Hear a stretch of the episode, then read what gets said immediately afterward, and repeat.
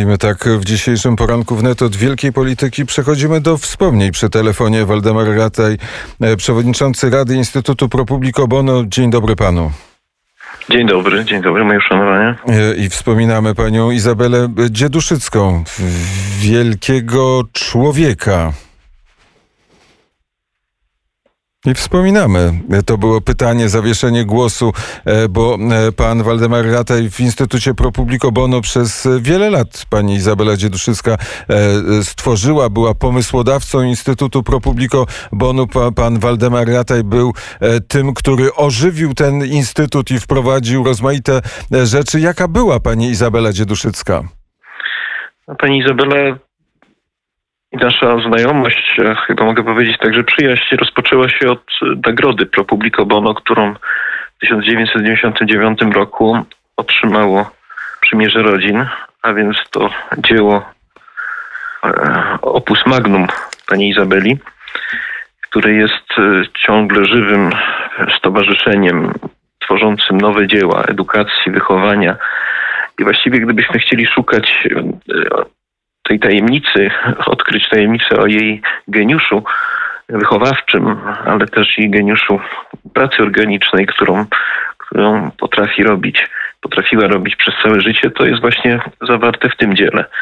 Myśmy się o tym dowiedzieli w 1999 roku, organizując konkurs, jeszcze wtedy na zlecenie ówczesnego premiera Jerzego Buzka, dla uczczenia 10 e, lat tej nowej niepodległości. I w ten sposób Przymierze Rodzin i egzekwo Wyższa Szkoła Biznesu w Nowym Sączu zostały uhonorowane tą nagrodą. To był też przekaz dla polskiej młodej niepodległości, że to edukacja i wychowanie, bo obydwa dzieła w tej dziedzinie e, zostały zauważone i, i tym się zajmowały i, i, i w przypadku Przymierza Rodzin zajmuje.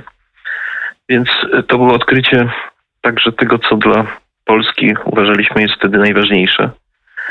I myślę, że dzisiaj znowu możemy śmiało powtórzyć, też jest najważniejsze, edukacja i wychowanie. No ale oczywiście pani Izabela, jak się szybko okazało, nie jest osobą, która tylko przyjmuje nagrody, ale bardzo szybko uznała, że trzeba y, coś czynić dalej, żeby honorować także innych. No, ta nagroda miała być na początku nagrodą właśnie jednorazową, na, na, ściśle związaną właśnie z tym przesłaniem niepodległości, a stała się instytucją. Więc najpierw pani Izabela zaangażowała się w pracę kapituły i, i instytucji nagrody, która dla innych organizacji przez następne 15 lat poszukiwaliśmy właśnie takich nowych dzieł i nowych instytucji tworzonych przez samych obywateli z inicjatywy społecznej. Więc ten, ten wzorzec, jakim była praca społeczna, praca pro publico bono, tworzona z jej inicjatywy i z inicjatywy jej przyjaciół, którzy stworzyli Przymierze Rodzin, stała się rzeczywiście pewną wzorcownią dla odkrywania innych zjawisk obecnych w Polsce i w tym sensie nagradzanych. No ale Instytut to jest dopełnienie, że trzeba jeszcze stworzyć pewne zaplecze badawcze, właśnie służące weryfikacji tego, łączące ekspertów. No i była w tym, jak we wszystkich swoich działaniach, niezwykle aktywna, działała i z pasją, i z determinacją, ale niezwykle też rzeczowo, zawsze tak sprowadzała całą rzecz do, do konkretu, wiedząc, że te wielkie idee tylko wtedy się sprawdzają, jeżeli, jeżeli za tym idzie skrupulatna praca, wiedza no i, i zawsze z ludźmi. To znaczy umiejętność łączenia ludzi w sprawach trudnych i takich wydawało się, że trudnych do rozwiązania na początku to był jej wielki, wielki dar. Użył pan e, słowa i terminu geniusz pracy organicznej. Na czym ten geniusz polegał?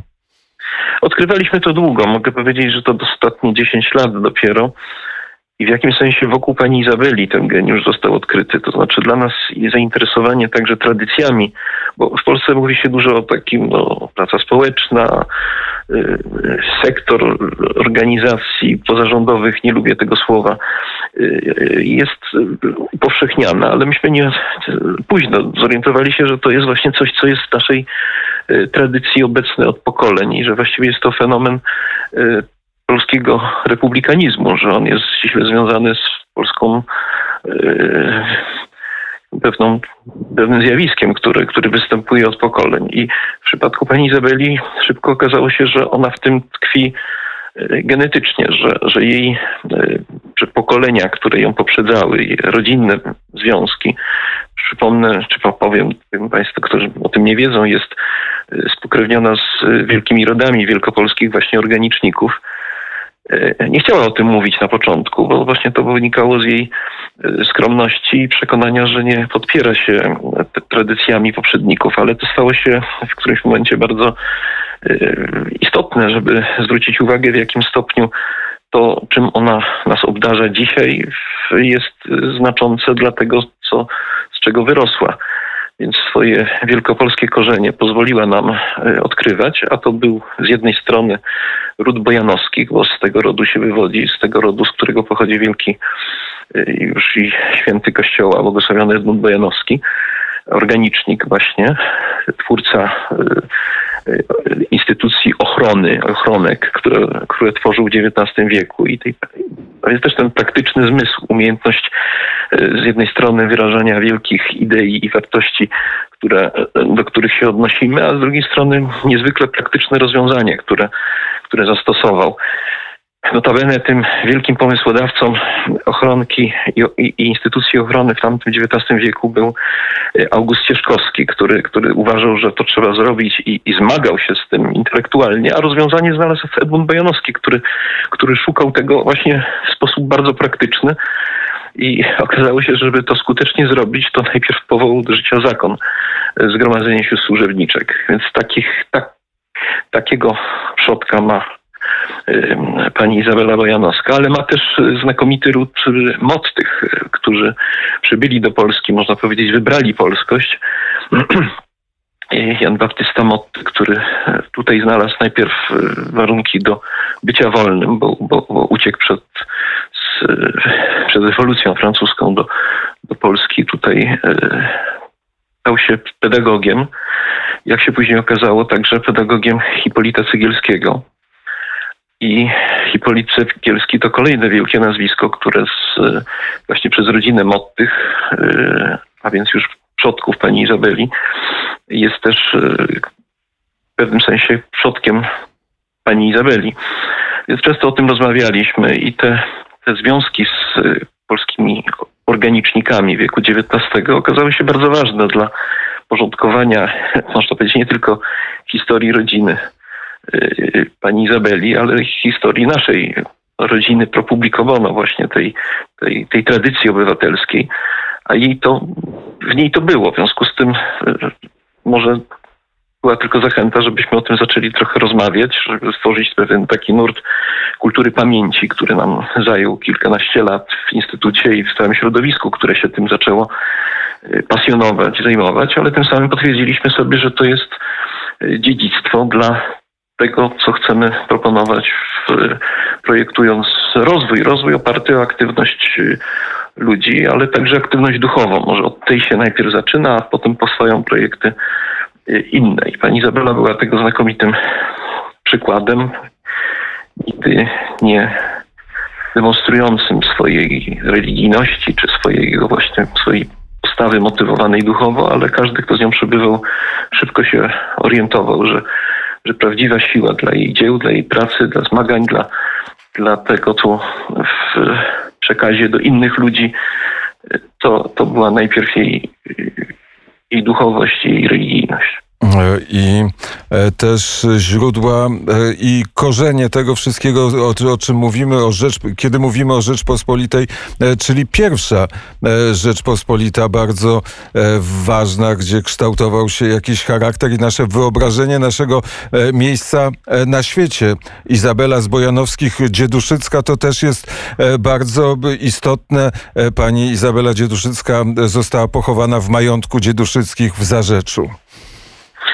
No tak, to jest y, taki piękny przykład tego przeniesienia do y, i, i połączenia w tradycjach rodzin. Wstępując do rodziny y, dzieduszyckich, pani Izabela wniosła z jednej strony to swoje, można powiedzieć, starożytne już dziedzictwo bojanowskich i, i może nie zdawała sobie do końca sprawy, co ona reprezentuje, co ona potrafi, co ona wnosi, ale mając ten zmysł praktyczny od razu w tych konkretnych warunkach, w których trzeba było rozstrzygnąć o losach y, no, dawnej rezydencji, pałacu, który, który miał wszystkie te, te przeżył tą historię y, okresu komunizmu, wywłaszczenia, wyrzucenia rodziny Dzieduszyckich i trudnej pamięci, którą rodzina miała. I pani Izabela, angażując się w rozwiązanie, można by powiedzieć, praktycznego problemu, co dalej z pałacem, y, znalazła rozwiązanie właśnie adekwatne do tego, co, o czym powiedziałem wcześniej, że pewnej metody, jaką stosowała już w, budując choćby przymierze rodzin, czy angażując się w inne dzieła pro publico bono. No, tym razem na polu kultury pamięci i ochrony dziedzictwa, które e, ten pałac jest wyrazem. Dzisiaj już e, wszystkich, którzy mogą pojechać do Zarzecza koło Jarosławia, no to będą się fascynować obiektem zadbanym, dostępnym, a, ale kilkanaście lat jeszcze tak to nie wyglądało. To był jak typowy po perelowski obiekt e, dawnej sławy, a, a, a wymagający interwencji. Więc znalazła rozwiązanie, które no najpierw trzeba powiedzieć, że od razu przystąpiła do pracy z ludźmi, to znaczy zarówno z rozległą swoją rodziną, czy rodzinami, które tworzą ród y, dzieduszyckich herbusas i z nimi uzgodniła, że to nie powinno być prostu odziedziczenie majątku, który ma służyć sprawom prywatnym rodziny, tylko że to będzie współpraca na rzecz tworzenia dobra publicznego, dobra wspólnego. I misja, przesłanie, że tu powstanie muzeum, Muzeum Rodziny Dzieduszyckich, ale pokazujący tę rodzinę właśnie w kontekście dziedzictwa dawnej Rzeczpospolitej, jak pan redaktor na to zwrócił uwagę, czyli e, z jednej strony ten rys historyczny i autentyzm przekazu nie tylko dla rodziny, ale dla właśnie współczesnych obywateli, a nie tylko współczesnych, tam przyjeżdżają Ukraińcy, którzy także fascynują się tym, że to jest ród, który ma korzenie e, ruskie i który odegrał ważną rolę dla historii no, dzisiaj już także ziem ukrainnych. Więc ta historia się rozlewa już dzisiaj w przekaz, który, który fascynuje bardzo wielu, ale e, zbudowanie tam muzeum to jak zwykle praktyczne, praktyczne zadanie i trzeba było go złożyć w okolicznościach, w których praca, no będę już powtarzał, tak jak w to wierzę, organiczna Izabeli Dzieduszyckiej połączyła wysiłek rodziny, współpracowników, y, których wiedza, jak na przykład profesora Kazimierza Karolczaka, wybitnego historyka zajmującego się historią tej rodziny, no, zaangażował się w to, żeby znaleźć pomysł na to, jak, ten, jak to muzeum ma budować ten przekaz dla współczesności. Trzeba... Ale misja, ale misja edukacyjna, misja służby Y, kulturze narodowej. I zachęciła rodzinę do zrezygnowania z praw dziedziczenia w sensie majątkowym i przekazania tego dla najpierw gminy. I tu kolejny punkt współpracy. Zaangażowała w to, połączyła wysiłek y, wójta, samorządu, mieszkańców, że to jest wspólne dzieło.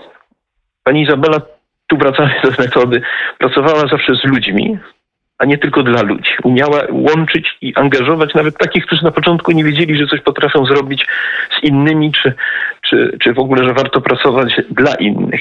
I w ten sposób wraz z nią mimochodem ludzie uczyli się, co to znaczy praca dla dobra wspólnego, że to, co także niesiemy w naszym przekazie i wcześniej nagrody Instytutu Pro Publico Bono, co może brzmieć abstrakcyjnie i onieśmielająco w jej codziennej pracy stawało się właśnie takim e, dowodem, że każdy to może robić, jeśli tylko w sobie wzbudzi. No, czasami mówimy energię, no pewnie, że to wymaga energii, ale dodałbym no, siłę duchową i, i zawsze konfrontowaną czy, czy odnoszącą się do relacji z innymi ludźmi. I oby to e, dzieło pani Izabeli Dzieduszyckiej e, trwało, a będzie trwało dzięki e, takim osobom jak Waldemar Rataj, przewodniczący Rady Instytutu Pro Publico Bono. Bardzo serdecznie dziękuję panu za rozmowę i za wspomnienie wielkiej osoby Izabeli Dzieduszyckiej, która urodziła się 16 lipca 1928 roku, więc pamiętała drugą Rzeczpospolitą, pamiętała i wojnę, i to, co się po wojnie, czyli komunizm i i, i, i dożyła 25 grudnia 2020 roku. Zmarła w Dzień Bożego Narodzenia. Dziękuję za rozmowę raz jeszcze. I dziękuję bardzo. Pozdrawiam serdecznie. I my serdecznie pozdrawiamy i pana, i państwa. Dzisiaj jest 8 stycznia, poranek wnet powoli dobiega końca. Za chwilę wiadomości e, najnowsze Jaśmina Nowak, a potem, a potem Studio Dublin i Tomasz Wybranowski nie tylko będzie opowiadał o Dublinie, e, sam pasjonuje się tym wszystkim, co dzieje się za e, oceanem, a tam nadal e, się dzieją rozmaite, rozmaite rzeczy. Jeszcze niektórzy czekają na kolejne wystąpienie prezydenta Donalda Trumpa. Czy do niego dojdzie, czy nie dojdzie przed 20 stycznia, to okaże się w ciągu najbliższych 48 godzin. Darkowi Konkolowi dziękuję za zrealizowanie dzisiejszego poranka Państwu. Życzę miłego dnia.